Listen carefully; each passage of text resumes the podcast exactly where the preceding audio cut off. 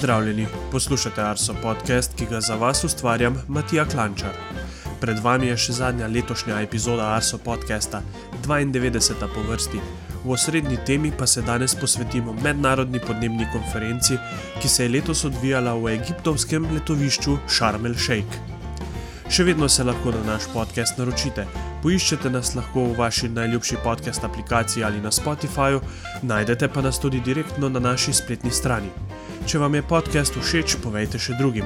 V stik z nami lahko stopite preko elektronskega naslova podcast.arsoafnago.si. Seveda smo prisotni tudi na družbenih omrežjih, kjer z veseljem delimo vaše slike, storije ali se z vami pogovarjamo o vremenu. Na Twitterju smo mete vsi, na Facebooku in Instagramu pa nas najdete pod imenom Arso Vreme. Osrednja tema. Tematika današnje osrednje teme se bo dotikala podnebnih sprememb. V svoji družbi pozdravljam Tino Kobilšek, vodjo oddelka za podnebne spremembe na Ministrstvu za okolje in prostor in glavno slovensko podnebno pogajalko na pravkar končani podnebni konferenci v Sharm el Sheikhu. Tina, pozdravljena pri nas na Arso. Matija, uh, lepo zdrav vsem skupaj. Morda za začetek našim poslušalcem zaupaš, kako je potekala tvoja profesionalna pot, da si prišla na mesto uh, podnebne po pogajalke. Um, ja, v bistvu um, moja pot se je začela nekako v tujini. Um, namreč um, delala sem pet let na Evropski komisiji, um, začutila to željo po, po vrnitvi uh, v Slovenijo in um, zdela se mi je tako super priložnost, uh, ravno slovensko predsedovanje svetu EU, ki je potekalo lani. Um, in tukaj je v bistvu bil ta moj preskok uh, iz Evropske komisije na Ministrstvo za okolje in prostor. To se pravi, je tvoje ozadje bolj iz družboslovne sfere ali naravoslovne sfere? Družboslovne, definitivno. Okay. Torej, dobrodošla med eh, naravoslovci tukaj na Arso. Uh, nekaj tednov je minilo od letošnje podnebne konference v Sharm el Sheikhu, kot sem omenil, pa bi morda na začetku začela z malce bolj sproščenimi vprašanji, preden se dotakneva podrobnosti in zaključkov, ki so seveda zelo pomembni. Uh, mogoče, kako sploh poteka mogoče sam izbor. Recimo nek, eno vprašanje, pa, kako sploh je prišlo do tega, da ste pa letos bili v Sharm el Sheikhu v Egiptu? Lokacija kopa poteka nekako po, po geografski uh, deljenosti uh, in po neki geografski rotaciji. Zdaj, uh, znotraj um, sistema Združenih narodov. Um, imamo več geografskih skupin, recimo Slovenija spada v vzhodnoevropsko skupino, Um, in letos je bila na vrsti uh, afriška skupina. Uh, tako da lani, uh, oziroma predlani, je bilo, je bilo določeno, um, da bo COP27 uh, gostil Egipt kot predstavnik afriških držav.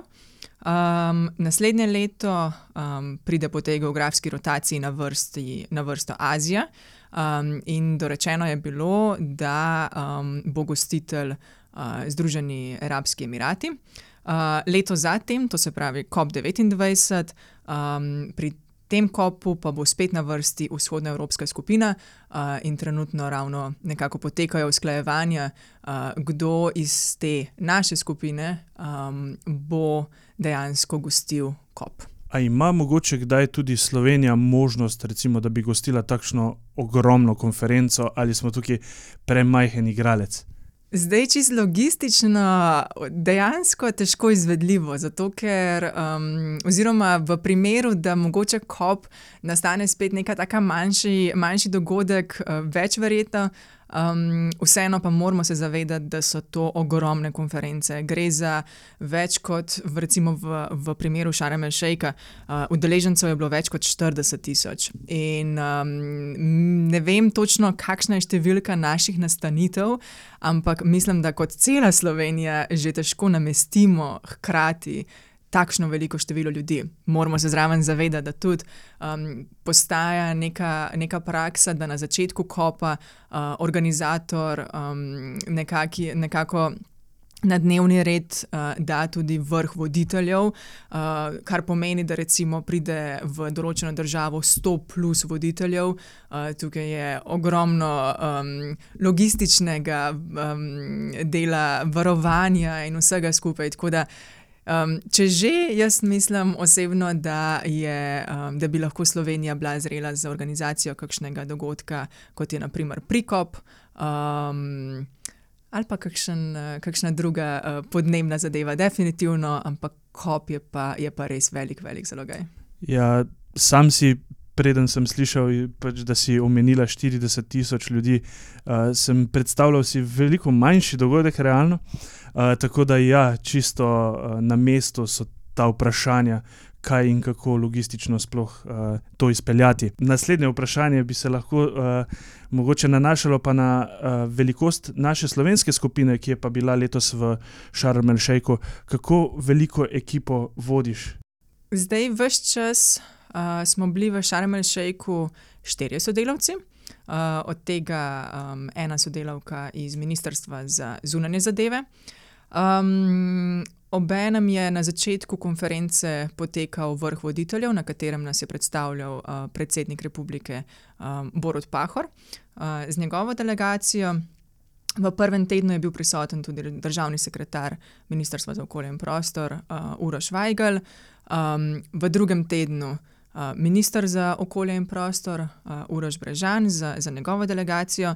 V mestnem času um, pa, um, pa so bili na konferenci uh, še nekateri drugi sodelavci, ki pokrivajo zelo specifična področja pogajanj, um, ampak niso bili pa tam vse čas. No.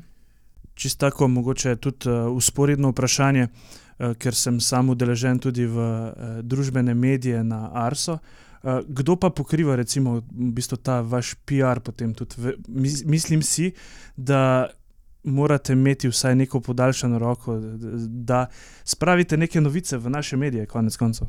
Zdaj, PR v prvi vrsti, seveda, je pač naš PR, PR MOP. Um, tekom konference smo, mislim, da organizirali tri različne novinarske konference oziroma vklope um, kjer sem um, ali jaz, oziroma minister, državni sekretar, naša podnebna odposlanka, um, nekako informirali uh, novinarje in, in javnost uh, o tem, kaj se trenutno dogaja na kopu, kaj še pričakujemo, kakšna je naša ocena in, in tako dalje. In kako poteka sploh tak nek tipičen dan pogajalca na kopu? Ja, zdaj recimo lahko pišem moj dan kot, kot vodja delegacije. Um, moja, moja prva naloga v dnevu je sigurno EU koordinacija. Uh, EU koordinacija ponavadi poteka um, vsako, vsako jutro na kopu. Um, potem tekom dneva poteka precej bilateralnih sestankov, to se pravi ali sestankov z, um, z, z drugimi državami um, veliko usklajevanja znotraj EU. Um, seveda imamo tudi um, našo slovensko koordinacijo, um, um, vsakodnevno na kopu, kjer se informiramo po različnih, um, po različnih uh, vsebinah, kje smo v pogajalskem procesu, uh, prediskutiramo tiste, tiste glavne problematike um, in, in seveda vse ostale aktualne zadeve. Um, Potem so tu, seveda, pogajanja, uh, dogodki, ki so organizirani, oziroma pogajanja, predvsem na nivoju uh, vodje delegacije. Um, sama sem upeta v, um, v, v nek, um, kako bi rekla, temu, neko podskupino, oziroma um, vsebinsko skupino, ki pokriva pravne vidike znotraj EU, tako da se potem udeležujem še, še tistih sestankov, se koordiniram z ostalimi sodelavci uh, iz EU, različnih EU držav, ki sodelujejo v tej, v tej podskupini. Um, zraven, seveda, imamo tudi stranske dogodke na kopu, uh, kar je poleg te pogajalske agende predstavlja um, zajeten. Um, bi rekla, zajetno število udeležencev na samem kopu uh, in tudi te obstranske agende. Um, paviljonov je namreč, ne vem, rekla bi na, na oko, sigurno okoli sto. Uh, različnih držav, različnih uh, organizacij, in tudi na teh paviljonih v bistvu vse skozi potekajo različna srečanja, različne dogodki, predstavitve, uh, okrogle mize in tako dalje. Um, mogoče sem še kaj pozabila, ampak ja, dnevi so tako pestri, da um, spanja je bolj malo. Ja, definitivno to ni 8-urni delovnik in pa daleč od tega, da bi uh, si morda kdo zamislil, da pa ob omembi šarmel šejka misliš še zraven na počitnice na plaži na morju. Ne? ne, ne, definitivno ne. Ok, uh, vmes si omenila bilateralna srečanja, ki lahko potekajo tudi med dnevom in potekajo, seveda. Um, na ena objava glih na družbenih medijih mi je padla v oči in sicer, da ste se enkrat tekom teh, mislim, da 14-dnevni. Konferenca je bila letos, oziroma 15-dnevna. Ja, mečkam se zavlekle. Mogla bi se končati um, v petek, uh, na kar se je končalo v nedeljo ob 9:19, mislim, da je bil uraden čas. Uh, tako da ja, je bila kar mal daljša od teh 14 dni. In v teh 14 dneh se sreč, srečuješ tudi z več različnimi uh, državami na teh uh, sestankih. Uh, v oči mi je padla, kot sem že omenil, ne, uh, en sestanek ste imeli z majhno otoško državico Vanuatu. Kako sploh pride do recimo, vem, takšnega sestanka z mogoče državami, ki nam niso čist najbolj, um, da smo v vsakodnevnih stikih z njo, recimo, če se lahko temu izrazim. Tako. Mislim, da je ravno to prednost kopa in te številčne udeležbe na kopu. Zdaj, prvo, moramo se zavedati, um, oziroma vedeti, da na kopu so načeloma predstavniki skoraj 200 držav. In to pomeni, da ja, se srečujemo tudi z predstavniki držav, ki jih sicer mogoče v okviru EU uh, srečanj, v okviru um, mogoče tistih bolj klasičnih um, dogodkov, ki jih organiziramo v Sloveniji um, oziroma v naši soseščini, um, ne srečujemo tako zelo pogosto. In seveda, kop je zato odlična priložnost, um, da pa dejansko posežemo tudi, tudi, tudi po teh partnerjih, um, ki, um, ki so tradicionalno mogoče nekoliko bolj oddaljeni, oziroma so tudi geografsko, seveda, veliko bolj oddaljeni. Ena izmed ključnih tem um, letošnjega kopa um, je bila tako imenovana izgube in škode.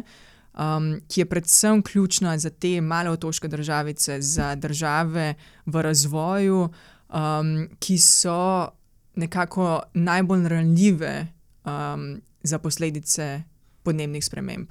Uh, in v tem kontekstu je recimo um, to bilateralno srečanje z, z Vanuatujem kot um, predstavnikom malih otoških držav, um, držav v Pacifiku, kjer gre dejansko za njihov obstoj. Um, res zelo, zelo fascinanten. In uh, preko teh srečanj boljše nekako razumeš, iz kje izhajajo. Um, kakšne stališče uh, ima ena in druga stran. Um, mogoče tudi preko pogovora že lahko začutiš, um, kje, tista, um, kje so tiste sti, stične točke, um, kako se naprej premakniti v pogajanjih.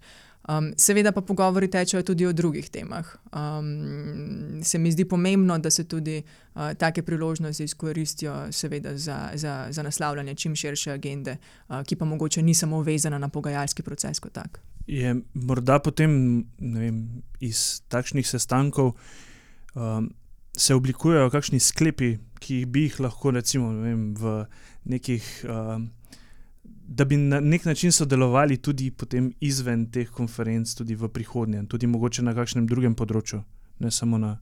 Seveda, na v določenih primerjih je, je to možno. Ja. Se recimo bi zdaj osredotočil na, na vlogo Slovenije in Evropske unije, kako lahko sploh Slovenija kot en.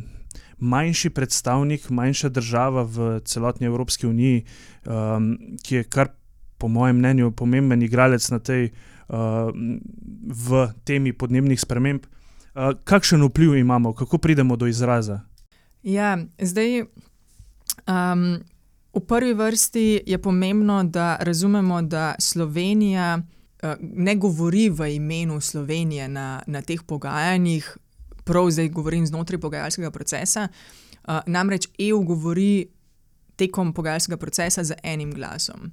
Kar pomeni, da mora Slovenija svoj glas uveljaviti predvsem v okviru EU, zato so pomembne EU koordinacije, zato je pomembno, da se pred samim kopom um, znotraj EU um, z ostalimi državami članicami dobro uskladimo, seveda naše prioritete dobro predstavimo um, in jih tudi na tak način uveljavljamo. Um, tako da v prvi vrsti je pomembna naša vloga v okviru EU. Um, seveda je pa tudi pomembno, da imamo dejansko svoje, svoje pogajalce na določenih pogajalskih točkah, um, uh, ki so pomembne za Slovenijo. Um, na tak način smo seveda bližje temu, um, temu dogajanju, uh, lažje pridobivamo informacije um, in tudi lažje potem sooblikujemo cel proces, um, ko se pač bliža koncu in, in se dejansko. Um, se bliža temu, temu potrjevanju zaključkov in, um, in, in, in koncu konference. A je to lahko en plus, da ima Evropska unija samo en glas, ali je lahko v, recimo, v teh oblikovanjih tudi manjši minus, glede na to, drgač, da je uh, malo več držav združenih kot ena celota? Um, z vidika, um, kako bi rekla, um, efektivnosti pogajalskega procesa, um, mislim, da je nujno, da imamo ustvarjene take pogajalske skupine. Um, moramo se zavedati, da imamo tudi ostale pogajalske skupine, recimo um, Afričani nastopajo v okviru afriške skupine, male otoške državice znotraj svoje skupine. Oni so sicer potem povezani znotraj uh, tako imenovani um, G77 in Kitajska, uh, to je v bistvu na, nekako največja pogajalska skupina, um, imamo latinsko-ameriške države in tako naprej. Um, če bi zdaj res spet šli v, v proces, kjer 200 držav uh, govori svoje mnenje, in mislim, moramo se zavedati, da včasih že recimo v okviru 27 znotraj EU um, težko prideš do enega enotnega stališča. Kaj še le, ko imaš ti za mizo 200 držav in pri tem potrebuješ konsens. In na ta način se ta proces dejansko nekako. Um, um, je malo bolj um, efektivno zapeljan. Uh, seveda, vedno slišimo še vedno kritike, da je prepočasen in tako naprej. Um, ampak mislim, da je za, za sam proces nujno, da, da ohranimo to strukturo, in, in tudi znotraj EU se mi zdi pomembno, da se, da se usklajujemo pri tem. Um, imamo en glas, ampak ta glas je pomemben in je močen in je kredibilen, um, in mislim, da je to tisto, kar šteje. No na tem mestu, mogoče malce bolj provokativno, ki sem ga imel, prešparan ga sicer bolj za na konec, ampak vseeno. Um, Ta, mislim, tekom tega pogovora sem si že na nek način odgovoril na njega. In sicer, glede na to, da gre za podnebno konferenco ne, in pač da vsi letimo zdaj v Šarmel Šejk, to je kot, kot, na nek način kot da bi nekaj govorimo, delamo pa nekaj drugega. Ne, ampak si že sama recimo lepo pokazala, da je to nemogoče v bistvu drugače izpeljati neke take pogovore in priti do neke, nekih takšnih zaključkov. Um, Drugače, kot da, da ste tam uživo. Ampak vseeno vprašanje, ali ste mogoče tekom procesa uh, razmišljali o tem, da bi se pa predstavile neke stvari, ali pa da bi se uh, nekaj delčkov konference odvijalo preko spleta, uh, uh, tiste samo te glavne, pa mogoče v živo, da bi se mogoče zmanjšalo uh, tista številka 40 tisoč na tisoč. Ja, zdaj mislim, da um, kot tudi v ostalih procesih um, je COVID. Um, Spremenil tudi nekako, oziroma vsaj začasno spremenil um, tudi naš proces dela v okviru mednarodnih podnebnih pogajanj. Um, recimo, Eden ključnih zadev je, da, oziroma um, kar se je zgodilo, da je COP26 bil dejansko predstavljen za eno leto, kar pomeni, da se je prvič zgodil, da v, v tem uh, je v bistvu. Konferenca potekala na dve leti, zadnja je bila v Madridu za COP25, potem eno leto vmes nič in potem COP26. Um, v umestnem času je ogromno zadev potekalo online, vključno z Eh, tako imenovanim junijskim zasedanjem um, pomožnih teles. Uh, to je sicer zasedanje, ki vsako leto poteka spet v živo, um, drugače v Bonu v Nemčiji. uh, kjer je sedež sekretarijata konvencije. Um, če lahko povem svojo izkušnjo um, teh pogajanj um, v tistem času med COVID-om, uh, virtualnih, organizirana so bila namreč tri tedenska virtualna pogajanja, ki naj bi nadomestila to srečanje v Bonu. Um, vsak teden um, so bila ob drugem času, ker spet moramo se zavedati, da imamo 200 držav, uh, vsak sedi na svojem koncu planeta.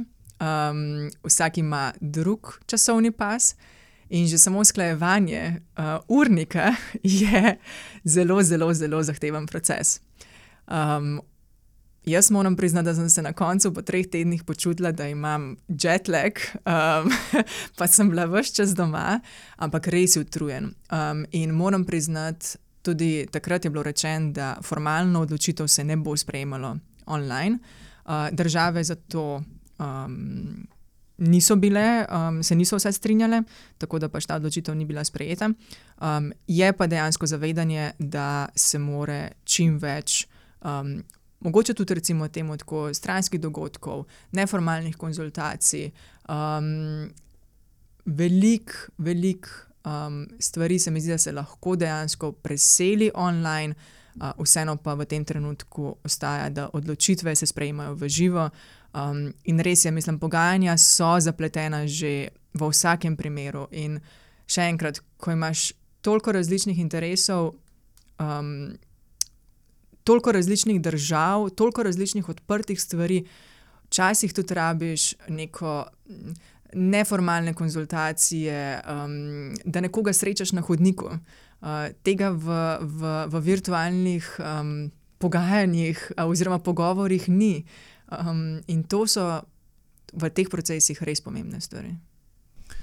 Zelo zanimiv odgovor. In, uh, bi rekel, da se kar strinjam. Tudi mi sami, ko smo bili na delu od doma, smo kar čakali prav te. Ta nekakšna druženja, ko mogoče kakšnega sodelavca, pa dobiš na hodniku, kakšno besedo rečeš, najde se tudi potem kakšna ideja ali pa mogoče kakšen um, kako zapeljati neko rešitev nek, nekega problema, ki je nastal. Ja, tako da uh, ja, se čisto strinjam. Um, če se vrnemo recimo na letošnji kop, kakšna stališča je, z, je v bistvu uh, zastopala, oziroma zakaj se je prizadevala Slovenija, in pa seveda potem tudi zakaj se je pa v bistvu najbolj prizadevala pa še Evropska unija če lahko kaj, kakšno besedo o tem. Ja, zdaj mislim, da lahko mogoče podam kar podoben oziroma enoten odgovor za eno in drugo. No? Um, zdi se mi, da so bile tukaj predvsem ključna, um, ključna tri vsebinske sklopi. Um, nekako v prvi vrsti blaženje podnebnih sprememb. Um, tu smo si, seveda, kot Slovenija, prizadevali za čim bolj ambiciozen um, dogovor, um, za čim bolj jasen dogovor v smislu um, nujnosti zniževanja emisij, uh, globalnih emisij, pri tem tudi um, jasne vloge oziroma pomembne vloge EU kot tizga ki nekako na tem področju vodi, ne samo z postavljanjem svojih ciljev, ampak um, recimo trenutno v sklopu pogajanj pripravljen na 55 oziroma temu zakonodajnemu paketu Fit for 55, um, kjer nekako damo jasno vedeti, da imamo poleg tega cilja tudi zastavljeno zakonodajo, um, korake, kako bomo dosegli ta cilj. Um, področje prilagajanja in, in izgube in škod. Um, tam smo si res zelo želeli, da se je Santiaška mreža za, um, za izgube in škode operacionalizirala, um, po drugi strani um, za, za izgube in škode, um, da se dejansko um, da se prepozna nujnost um, pomoči najbolj ranljivim. Um, to se nam zdi ključno, seveda smo tudi mi majhna država in predvsem spet, da se recimo na, navežem na Vanuatu kot eno izmed tistih malih otoških držav. Um, zdaj se nam je, da, da, da, da je tam res tist, eden izmed ključnih podarkov, uh, kamor, kamor um, morajo tudi um, zaključki iti. Um, kar se tiče podnebnega financiranja, višanje podnebnih financ, uh, spet za tiste najbolj ranljive, uh, za države v razvoju. Zavedamo se tega, tudi kot Slovenija se zavedamo, um, da, da bomo mogli na tem področju um, finance uh, povečati. Um, tako da to je, to je uh, ta tretja točka. No. Sicer pa um, kot Slovenija smo bili tekom pogajanj um, glasni in na koncu um, sem res zelo zadovoljna, da smo bili pri tem um, uspešni, um, predvsem pri, um, pri naslavljanju teme uh, človekovih pravic v, v, v tem um, v pogajanjih. Um, v krovnih sklepih, naprimer, uh, imamo, uh, oziroma smo se dogovorili za referenco, za vključitev reference um, na uh, pravico do, do zdravega, čistega in trajnostnega okolja, um, kar se mi zdi, da je res um, velik uspeh.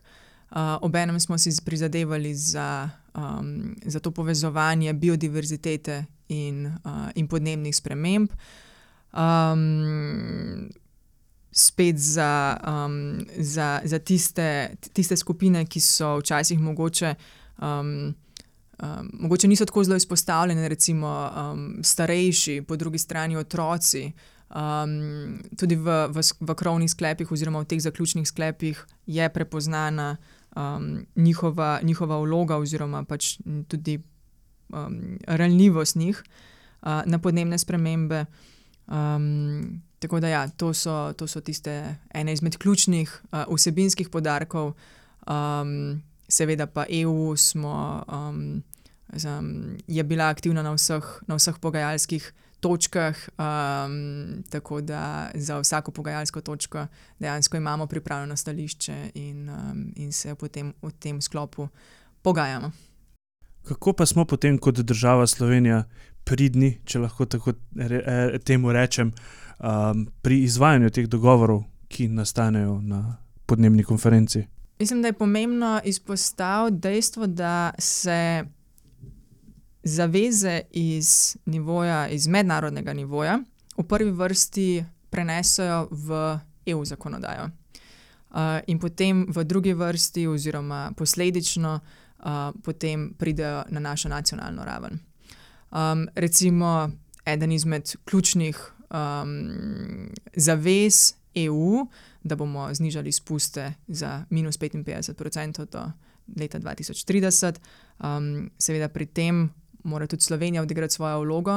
Uh, trenutno um, pripravljamo revidiran uh, nacionalni energetski podnebni načrt, um, pripravljamo podnebni zakon. Um, mislim, da sta to dve zelo pomembni zadevi, oziroma dva pomembna dokumenta, um, kjer se bodo seveda tudi zaveze, ki se načeloma sprejemajo na mednarodni ravni, nekako reflektirale v, v, v teh. Pa smo dovolj hitri na tem področju, kaj se ti zdi, mogoče čisto tako, mogoče tudi osebno mnenje. Ker vsak ima neko svoje mnenje okrog tega. Pač, uh, se mi zdi drugače, da naš, naša stroka, recimo kot meteorologi, klimatologi, bi si želeli, mogoče, da bi kakšna stvar malce hitreje prišla uh, do izraza. Ne? Ampak ja, je veliko stvari povezanih, zato sem postavil takšno vprašanje. Um, jaz mislim, da bomo mogli narediti več uh, in predvsem hitreje. Um, seveda. Slovenija, um, tukaj tudi mislim EU in, in predvsem globalno. Um, spet, ja, Slovenija je neka mala državica, um, smo majhna riba v tem morju um, z tok in tok procenti izpusta um, vizavi celotnemu svetu. Um, mislim, da bomo imeli veliko dela za tistimi glavnimi osneževalkami, predvsem v naslednjem letu in potem še uh, v prihodnosti, um, da one v prvi vrsti zvišajo to uh, ambicioznost na, na večjih področjih, seveda pa v Sloveniji, kot sem že omenila, ja, mislim, da bomo mogli uh, narediti več.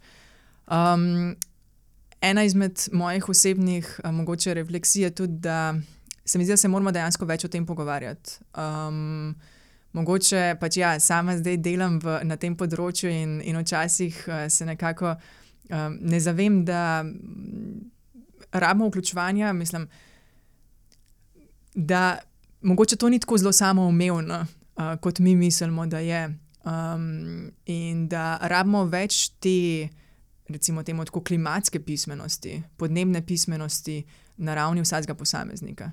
Ker ja, na koncu koncev, seveda, industrija je pomemben faktor. Um, um, Veliko velik stvari je tukaj so odvisnih, ampak um, moramo pa tudi sami pri sebi pogledati, uh, na kakšen način se ogrevamo, uh, kako se peljemo, kaj jemo.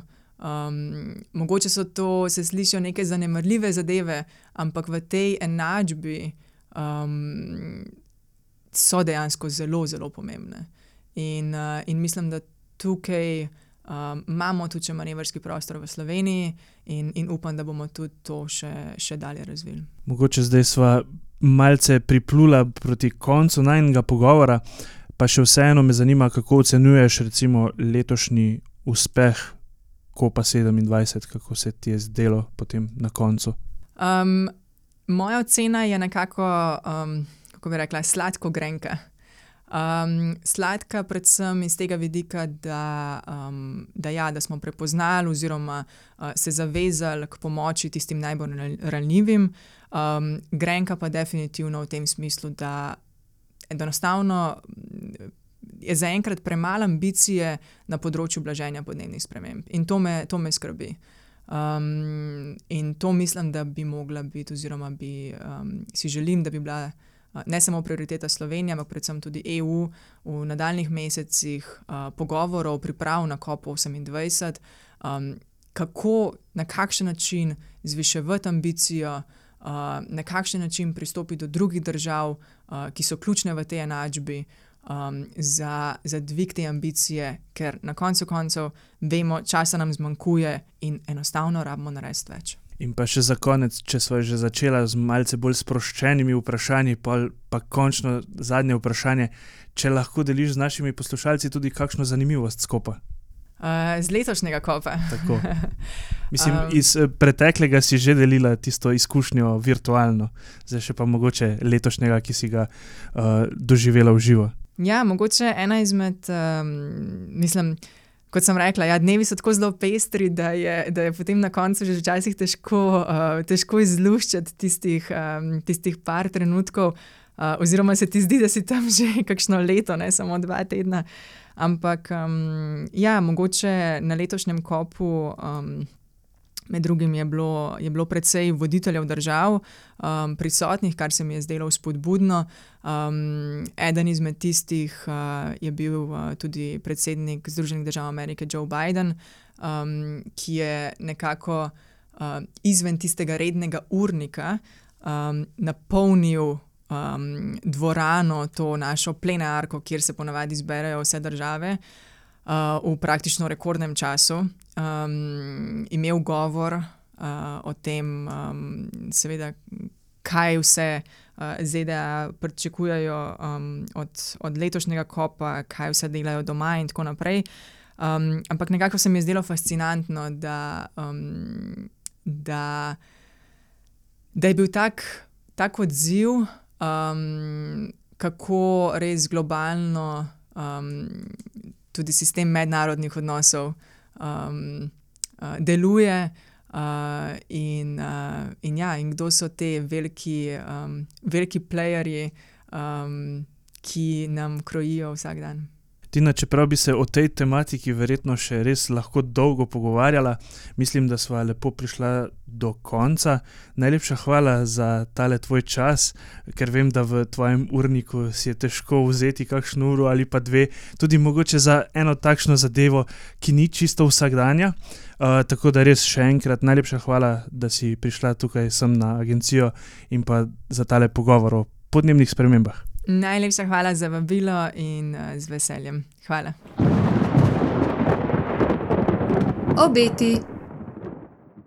Zadnje vremenske obete letos je pripravil Blaž Šter. Lepo pozdravljeni.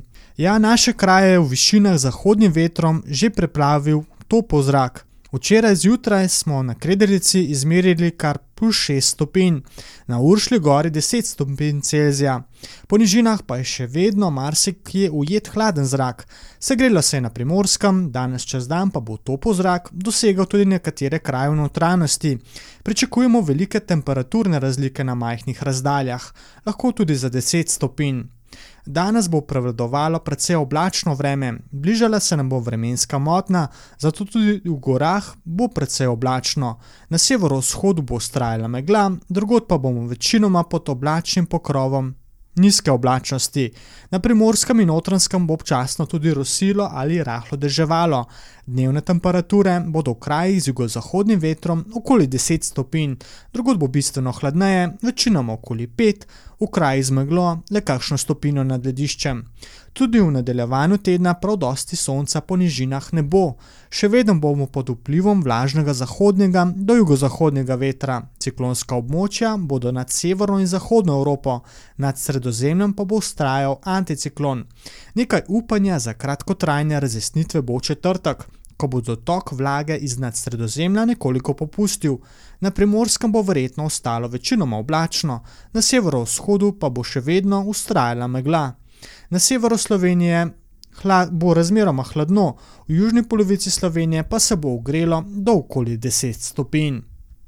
V petek kaže, da se bo oblačnost znova povečala, krepil se bo jugozahodnik, zato bo večinoma toplo, okoli 10 stopinj, v beli krajini lahko tudi okoli 13.